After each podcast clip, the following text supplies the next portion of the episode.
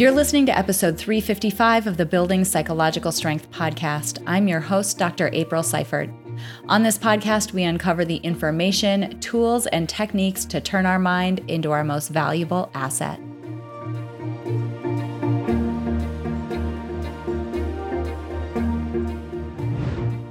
Trigger warning. How many times have you seen that phrase on social media? And ask yourself this do you do you truly know what it means? I mean, what does it mean to have a trigger? What does it mean to be triggered? Are triggers something that come up just because of a really severe traumatic event, for example? And how do triggers impact people in their lives and, and their performance and their relationships? This week, we are exploring a, this, these very, very fundamental questions. Because the thing is, the fact of the matter is, we all have triggers. It's impossible not to. It's simply the fact that we have them is simply an artifact of the way that human minds work to store information and use it. And what's most important, knowing that we all have them, is that we know what our individual triggers are and how we can be more intentional about responding when we encounter them. This week, we're hearing from Jody Eckleberry Hunt. Jody has a PhD in counseling psychology from Indiana State University and is board certified in health psychology. She's also been the director of health psychology and executive health and wellness at Beaumont Health since 2016. This is important because we're going to be talking about some of these fundamental pieces uh, or these fundamental concepts, the idea of triggers, and how they impact both our performance and our relationships. So, we're getting into some really important stuff today. So, I'm excited for you to hear from Jody Eckleberry Hunt.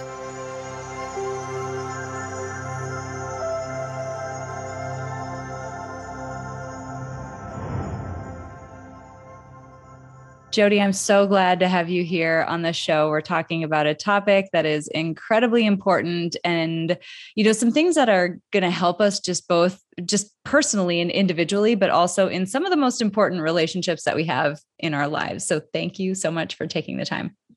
It's great to be here. Thanks for having me. You know, you uh, you are an expert in a space that I think is really interesting because it's getting a lot of play in the social media world right now. And uh, when we think about um, the number of times in social media we see things like trigger warning or people talking about having triggers or um, you know talking about being triggered it can be misunderstood what that actually means and it can feel like that topic is reserved for a specific group of people who maybe have had you know one or two uh, really traumatic things of a particular nature happen to them. Like maybe this is only something that applies to a few people. You've said that we all have baggage or triggers or drives or you know put the whatever word on it that you want. Tell me what you mean by that and just give a little bit of color under that because this is something that like I said is very misunderstood out in social media land that I think we can take some liberties to clear up today. 100%. So in cognitive behavioral psychology, which I'm assuming your listeners have Love heard it. about from you. Yeah. Yeah. Yeah. Um, the first 18 years of our lives are this programming because of different experiences we've had with peers, with teachers, with parents, mixed with our genetics. Well, so some of that is the it can be brainwashing. We can get mixed messages, we can get Mhm. unhealthy messages. I call that baggage. And so everybody has that. We don't escape it. And uh, indeed, I, one of the things that's really out there these days that is interesting to me is we're hearing about all this bias training, and people get offended by that. Like, I'm not biased. Well, we're all, I like to come back and say we're all biased. It is part of the wiring of the brain. I like you And so, so much say- already. This Yeah. is good. Keep going. Sorry, don't mean Well, to interrupt. No, but to say I'm not biased is ridiculous. Um, we all have filters, we all have biases. The key is knowing what those are, because if you Mm. know them, then you can be aware of how they affect you and your choices. So it's it's kind of ridiculous to think you're going to get rid of them. It's just sort of having a good inventory of what you bring to the table so that you can play that hand well. I love that you said that because it's funny. So my background is in social cognitive psych, and cognitive psych is in the cognitive part of it um, deals with just how we encode and store and use information. And then the social part of it is about people and social settings. So I did a ton of work on, um, you know, gender and racial and ethnic bias and how all of that works. But it's funny because when you say, people say hey i'm not biased or I, I, that's not how my mind works what you're essentially saying is no my mind doesn't take in information it doesn't Nope. It also does not organize it in a way that would be most uh, easily accessed or in an organized fashion. That's just what minds do. And there's a lot of great outcomes that come from that. And there are also not great outcomes. And nobody asked for it. It's nobody's fault. But here we are and we have it, and it's our responsibility. So I love that you went there. That was so great. Can you give some examples of like what you mean by, you know, maybe some of this baggage or a trigger, even just in a variety of contexts, like relationships or anything like that, where we may see a, maybe it's a situation or a person that has you know triggered or activated some of that baggage or some of those you know triggering concepts where we could probably see it play out in either our lives or someone else's. So, for example, let's say that you grew up with a very controlling parent, and that was something that really irritated you, as it would a lot of people. But you didn't really resolve that, I guess, in understanding that maybe um, that was something related to just that parent and not everybody. But let's say you're out in the world and you're in a relationship and you're just hypersensitive to anything that might be controlling and you react mm. to that without reflecting and tear it apart tearing it apart saying okay i'm triggered now like meaning something has been activated in my head uh, or in my emotion which is in your head uh, by the way. So um, it, it's being able to say something's going on here. Let me take a sort of a sidebar and figure out what that is. Is it my stuff or is it indeed the other person or is it interaction of both of those? Mm-hmm. but that would be an example uh, again going back to childhood if you had a parent who was pretty extreme in any sort of um, trait or behavior that's really interesting how do people know when they've been triggered like are there feelings that we have are there urges that we have are there ways that we can notice that we might be in a state of feeling triggered by whatever it is in the context or whoever it is we're talking to? That's a really great question. Uh, I tell people you're the best expert on yourself. So, whenever you maybe notice a physiological reaction, like mm. some people say, I just feel awkward in my gut, or some people feel flushed, or maybe other people notice they're clenching their jaw. But that gut one is something I hear about a lot. And it is that is a piece of data and i am big on saying data is just data it's how you make sense of the data what are the data points and i have uh, the people that i know come in and they say okay i need to process what just happened. So we're sorting it out. So you could do that with a therapist but a really good friend a mm-hmm. friend who listens does the same thing. Because really in my in my experience oftentimes it's just the talking it out and the person has already figured out what it meant as they're telling me. Yeah. i don't have to tell them. I'm just asking the questions. But you have to be in tune to your body and all of those um, sensations and trying to figure out what is a what is a true red flag or what is my old unresolved stuff or just what is a, a, a genuinely appropriate reaction to somebody else being inappropriate. Yeah. Some of the things we talk about in um, that Ashley, my partner in Peak Mind, talks about with her clinical patients is almost evaluating how you're feeling using four quadrants. Each quadrant is, is a thing. One of them is thoughts. Are your thoughts starting to race or get repetitive or focus in on a particular topic? Feelings, are you having like an emotional response of some sort? you mentioned some of it too physiological are you are your palms starting to sweat are your cheeks getting flushed as you mentioned like heart racing any of that or action urges? Are you feeling compelled to either act or retreat? And it's funny because there's there's somebody who's close to me in my life that this is something I never would have noticed except for doing what you're saying where you're you're taking that moment and going to the side and saying, "What in the heck is going on here? This doesn't make any sense." There was a time in my life where getting attention from important people was not a good thing because it meant there was it was going to be met with a lot of judgment. So if people were paying attention to you, they were doing it so as to judge you and you were going to receive a lot of judgment and a lot of like questioning and issues blah blah blah. So there's points in my life where I feel like I'm getting too much attention from people who feel like those folks. So here comes the trigger, right? This person I'm talking to feels a bit like in some way this person who used to be very judgmental and I'll find myself getting triggered. And the the way that I know that I am is I physically find it nearly impossible to make eye contact anymore. Someone who speaks for a living and like podcasts and talks to people all the time and like, you know, consults and stuff. Like I make eye contact all the time with strangers and it's completely comfortable.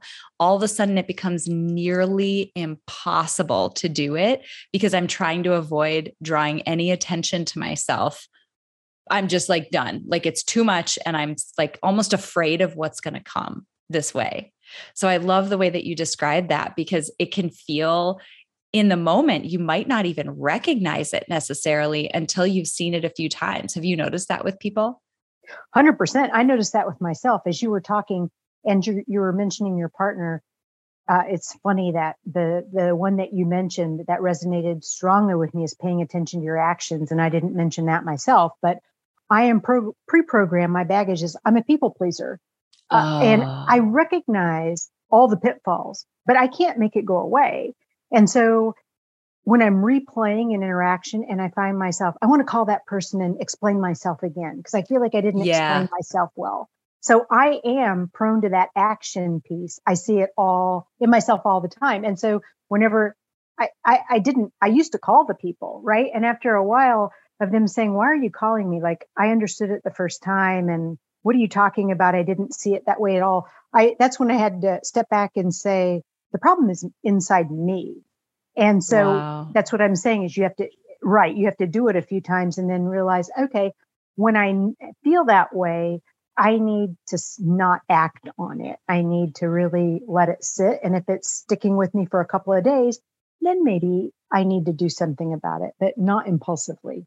Mm, that word right there, impulsively, right? It you're nailing the fact that it feels like we need to react now, like with urgency. But it's sounding like that's that's not the case. Like there needs to be we need to slow down. Talk about that a little bit more. Well, that's the what I call the intentional piece, being self-reflective. That is just such a great psychological strength is being able to tolerate pain, which is so hard to do. Yeah. Eh, so hard to do. Tolerate the pain and be self reflective and then just be intentional. Uh, there's no, in, in I, I shouldn't say there is no, there's rarely a clear right or wrong. There just is. Own your decisions and recognize that if it wasn't the decision that was the best, you'll deal with it then. But all that second guessing becomes like smog and you can't you can't think straight. So all the worry makes it more likely that you're going to make a, a, decision that you'll regret versus just owning it and say, we'll deal with it when it happens. Mm-hmm. Yeah, that ability to pause. And it's funny, we, before we hopped on to record, we were talking a bit about that Viktor Frankl quote between stimulus and response, there's a space, and in that space lies an opportunity. And that space is, it's something that happens cognitively when you know the the world throws us information whether it's in the form of a person we're talking to or the context or maybe all of the above in a lot of cases but we do we we take that information in about that person or maybe our past behavior the in the example you just gave like i didn't explain myself very well oh my gosh we enter the space And most people feel a really big sense of urgency in that space. And that's very normal. It's just what minds do. But what you're saying is we need to like insert a pause in that space before our behavior happens, like before things take over. 100%. And that is, that's a painful moment oftentimes. Yeah. So you have to be able to sit with that pain and not move. Ah, that's not easy. But it's mm-hmm. important, right? You were mentioning something about working with some of the top executives in big companies with sort of their annual wellness check. Can you give an overview of like what that is, who these people are, and how that relates to what we were just talking about? So I have one of the greatest jobs in the world. Uh, it truly is a privilege. And that is, I get to fulfill a contract with uh, the healthcare system uh, in the Detroit area and see some senior level executives once a year for a wellness check. And I get to see these individuals every year and have for several years. And they are just the most interesting people. And uh, I know your background is uh, in social cognitive psychology. And one of the things, by the way, I've noticed in these folks is almost to a person, they are involved in doing good in the community. Mm. And boy, that builds, uh, it just builds such a soul. Um, and, and I think it really contributes to happiness. But now, now I've talked about that, and I don't remember the rest of your question. No, that's okay. Um, so I was talking about the importance of, you know, who these people are and their high level of achievement and their ability to pause in the way that we were talking about, like when they enter that space or after, you know, life has say after they've gotten triggered potentially their ability to be a bit more intentional and pause so because these are senior people i'm sure that they've had a lot of experience and that is indeed what they do. They have very high emotional intelligence. And uh, emotional intelligence involves several things, but one key piece is to be very self aware of what is going on within and being able to put it aside and that theme, not reacting, but being, when you do that, it's like you become a tool for absorbing what energy is in the room mm. and the mm. things that are said and not said. And I think these executives just do a fabulous job at trying to read that energy, but you mm. can't read it if you're flooded with your own triggered emotions. And so I, I guess what I'm saying is they have become good experts at doing that. Um, yeah. That's really interesting. There's a episode we did with Steve Hayes. He's the founder of Acceptance and Commitment Therapy, and he talks about.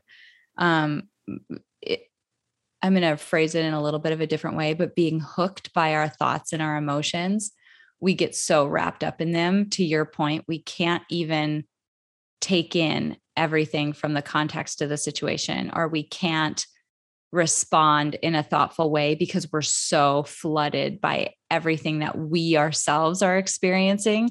We can't separate from it. And so much about his type of therapy is helping you create what he calls psychological distance in between you and the emotions you're having.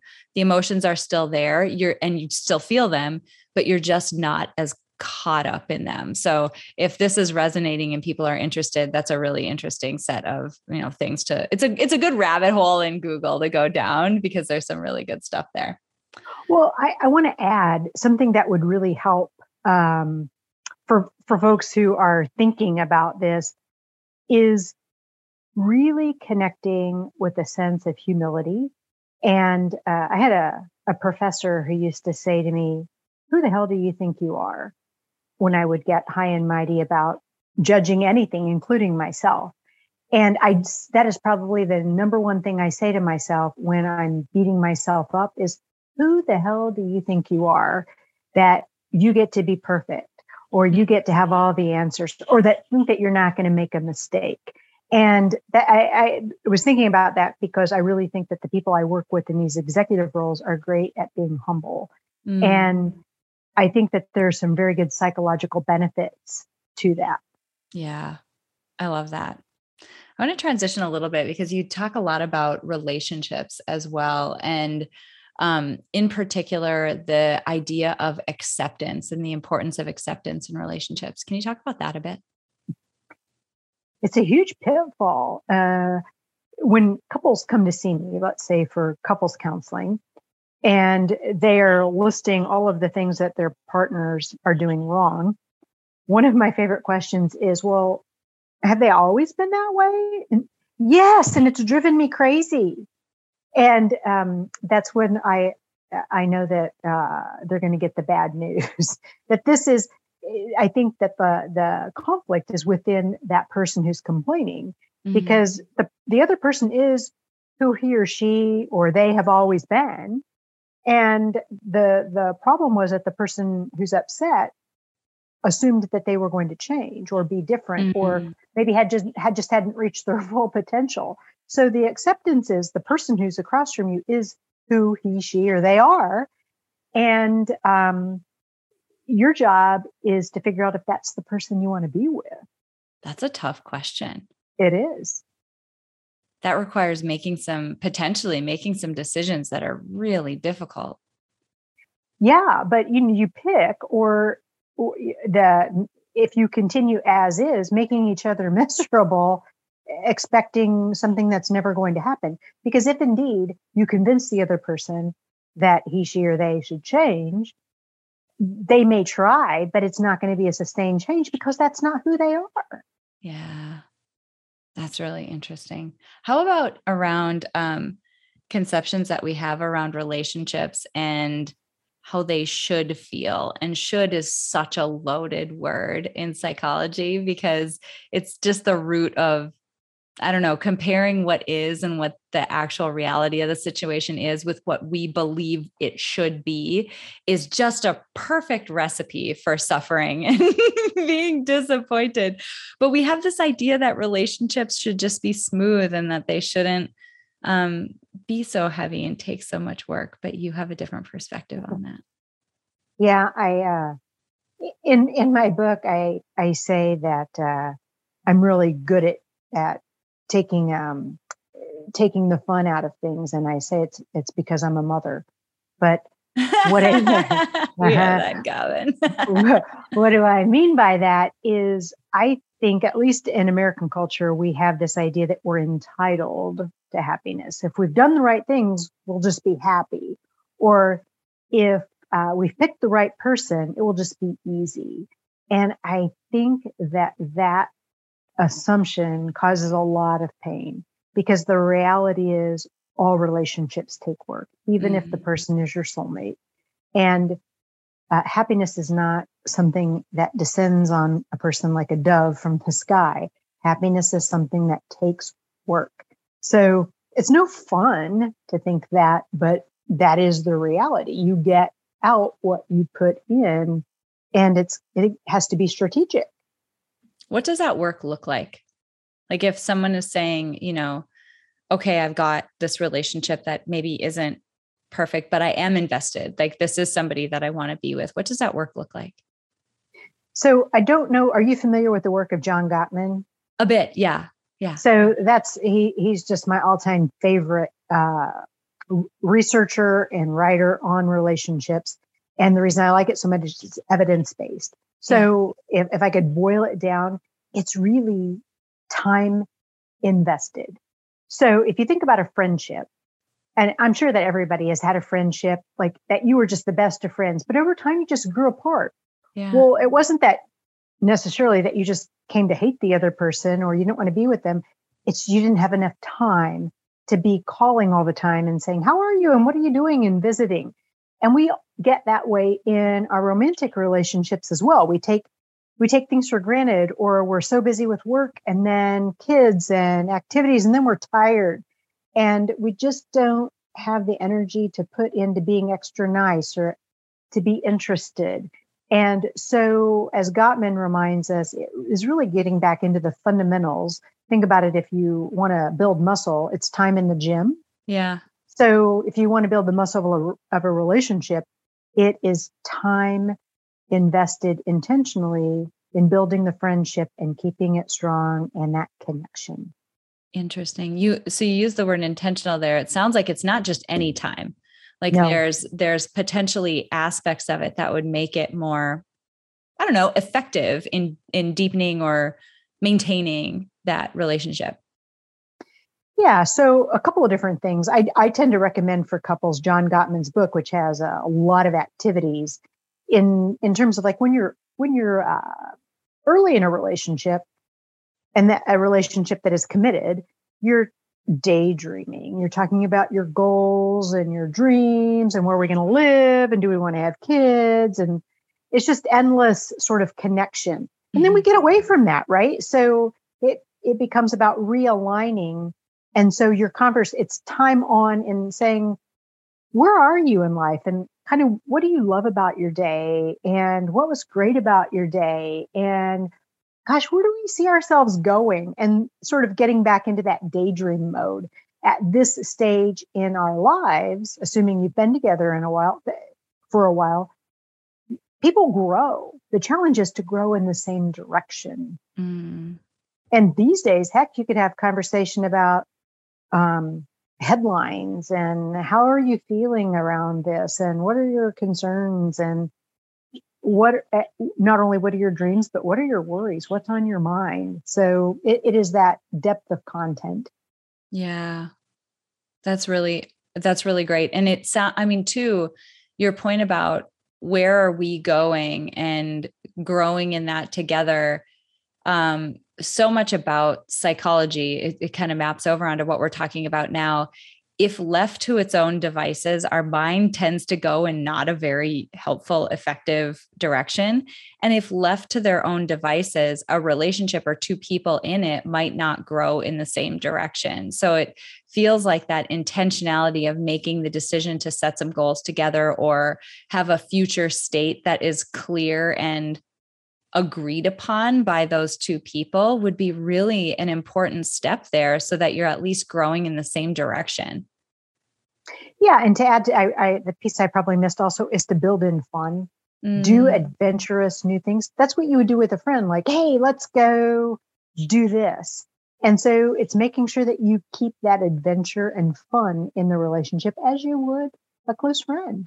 Yeah. Yeah. How do you see I want to kind of marry these two topics as as we're kind of wrapping up. You know, we talked a lot about th- this this most recent topic of just relationships and how to strengthen them and maintain them over time. And prior we were talking about, you know, triggers and emotional baggage.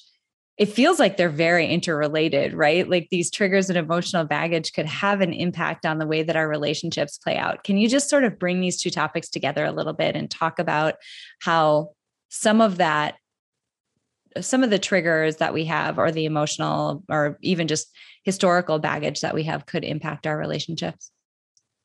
Well uh, i like to say that if we understand our baggage recognizing that everybody has baggage it's making sure that those two sets of baggage line up appropriately. Mm-hmm. and maybe the best example is to give uh, is my own. I, I am married and I tend to be, I tend to be bossy. So you could call that controlling. That's okay. Um, my husband likes to be bossed. He's looking for somebody to give his day structure because he's a procrastinator. It works well. Um, does it always work well? No, but that would be an example. Or if you again had somebody who is controlling like me and you hated that, but you were somehow oddly drawn to it because you didn't under it seemed familiar to you but then you found yourself arguing as you would with a parent um, when you were younger that's not healthy. So that's an example of we, again we have baggage. It's finding somebody whose baggage fits with yours like a jigsaw puzzle. Mm-hmm.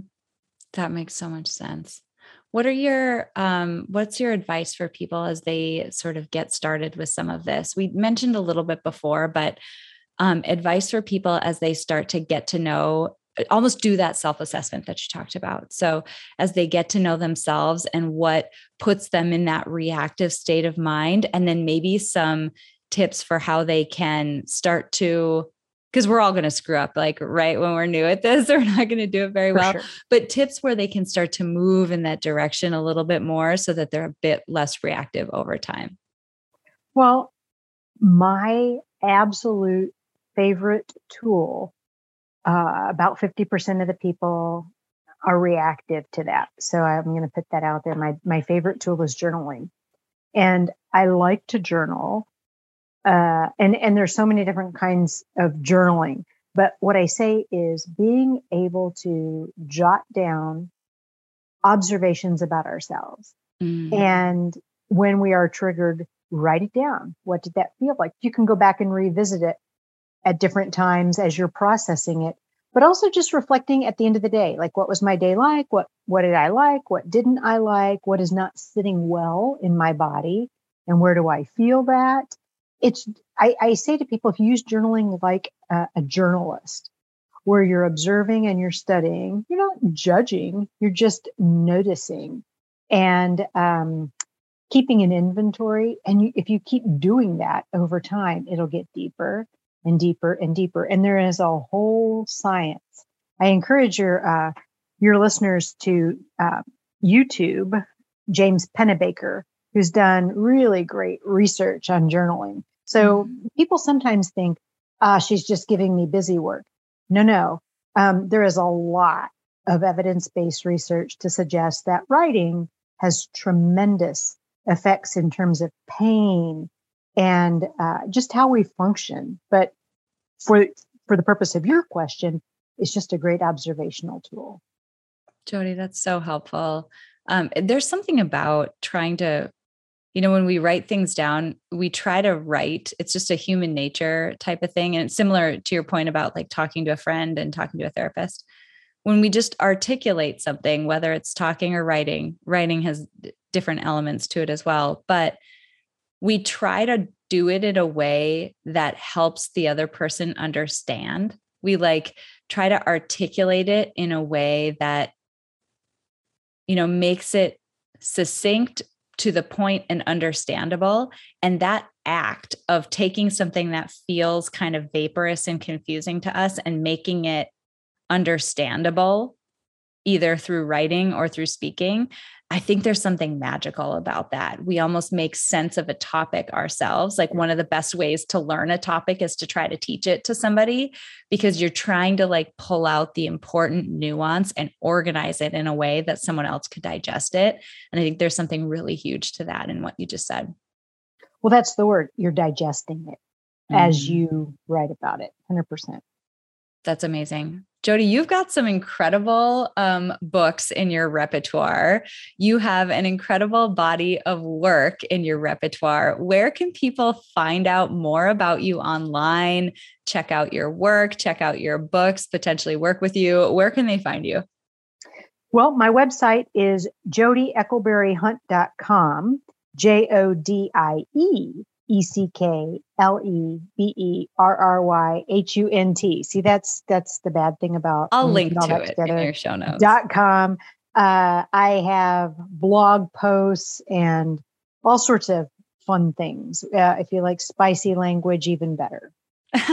That's awesome. Yeah. Your books and their titles and the content definitely has some spicy language. So just beware of that if you go click in and look for things. This is awesome. Jodi, this is so it's foundational important stuff for people to understand the way that their mind works that it is creating these um these it's just making sense of the world and these triggers are coming from a place that it's doing its best it's doing its job and maybe it's just not the most effective uh, for that particular context and then also in the realm of relationships like god is there anything more important than some of the most critical relationships in our lives we know that it's so protective for people's mental health to have that but to your point, it does take work. So I really appreciate you taking the time today, being with us and sharing your expertise with this audience. It was fabulous to be here. Thank you. Thank you so much for being with me. I have a few resources, a couple books, and a former podcast episode that I want to make sure that you all have links to. So stick around for one more minute, and I will be back with a few more goodies for you.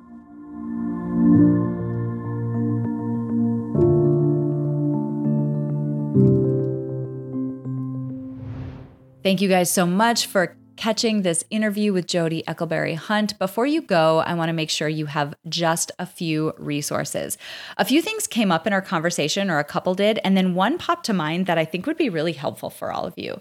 First thing, we talked about a former episode that I did with Dr. Steven Hayes. He's the founder of Acceptance and Commitment Therapy. I linked his episode below in this episode description and on the show notes page. It's called How to Liberate Your Mind and Pivot Toward What Matters. That episode is so important and so valuable for understanding how we get hooked by our own thoughts and emotions and what we can do instead. So, if you resonated with this idea that you get kind of swallowed up by your thoughts and emotions, or you get too in your head that you can't be in the moment processing what's actually happening, that is a really great episode for you.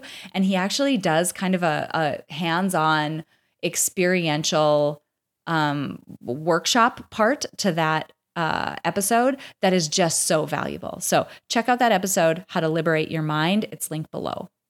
Second, um, Jodi mentioned John Gottman's work. I linked a book of his below in the additional resources called Seven Principles for Making Marriage Work. If the relationship part of this episode really resonated with you, that might be something you want to check out because his work gets into some fundamental things of just making relationships work. Things around like um, bids for attention, when somebody wants us to give them attention and what they do, and the impact of what we do next. And I mean, just so many other foundational, important concepts. So, if the relationship part of this resonated with you, check out Seven Principles for Making Marriage Work, a book by John Gottman. Finally, a second book that I'm linking to, which may seem a little bit out of left field, but hear me out. During our conversation, Jodi mentioned the importance of aligning in a relationship to what you see the future vision of your life looking like, right? Because otherwise, you could be going in different directions and kind of grow apart in a relationship. I've been reading this book called The EOS Life. So, EOS stands for Entrepreneur Operating System. And there's a whole library of books. You might have heard of the book Traction. That's probably the most famous book. There's another book, Rocket Fuel. This is all about how you set up your company and how you run your company. They call it Entrepreneur Operating System because companies run on this operating system. This is just a way of uh, operating a company. But EOS Life is kind of a new branch of that work that is very life designy. It is very much centered around okay, here you are, this entrepreneur. How are you going to structure your life and run your life so that you're moving in a direction that you want to go?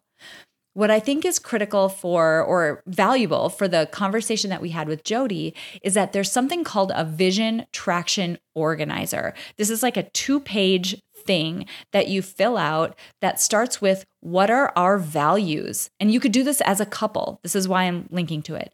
What are our values as a couple? What is is critical and important and what is our compass as a couple? You could fill that out and then you start to think ahead. What is our 10 year vision? In 10 years, what do we want our lives to look like?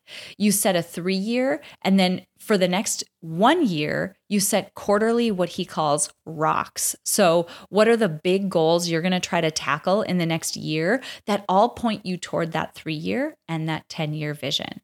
So, it's a really great way of not only getting intentional about your life and really putting some good um, stepping stones in place to go in the direction you want, but also aligning with your partner on some of those important things like what your values are and what that future vision might look like. So I linked that up. It's called EOS Life.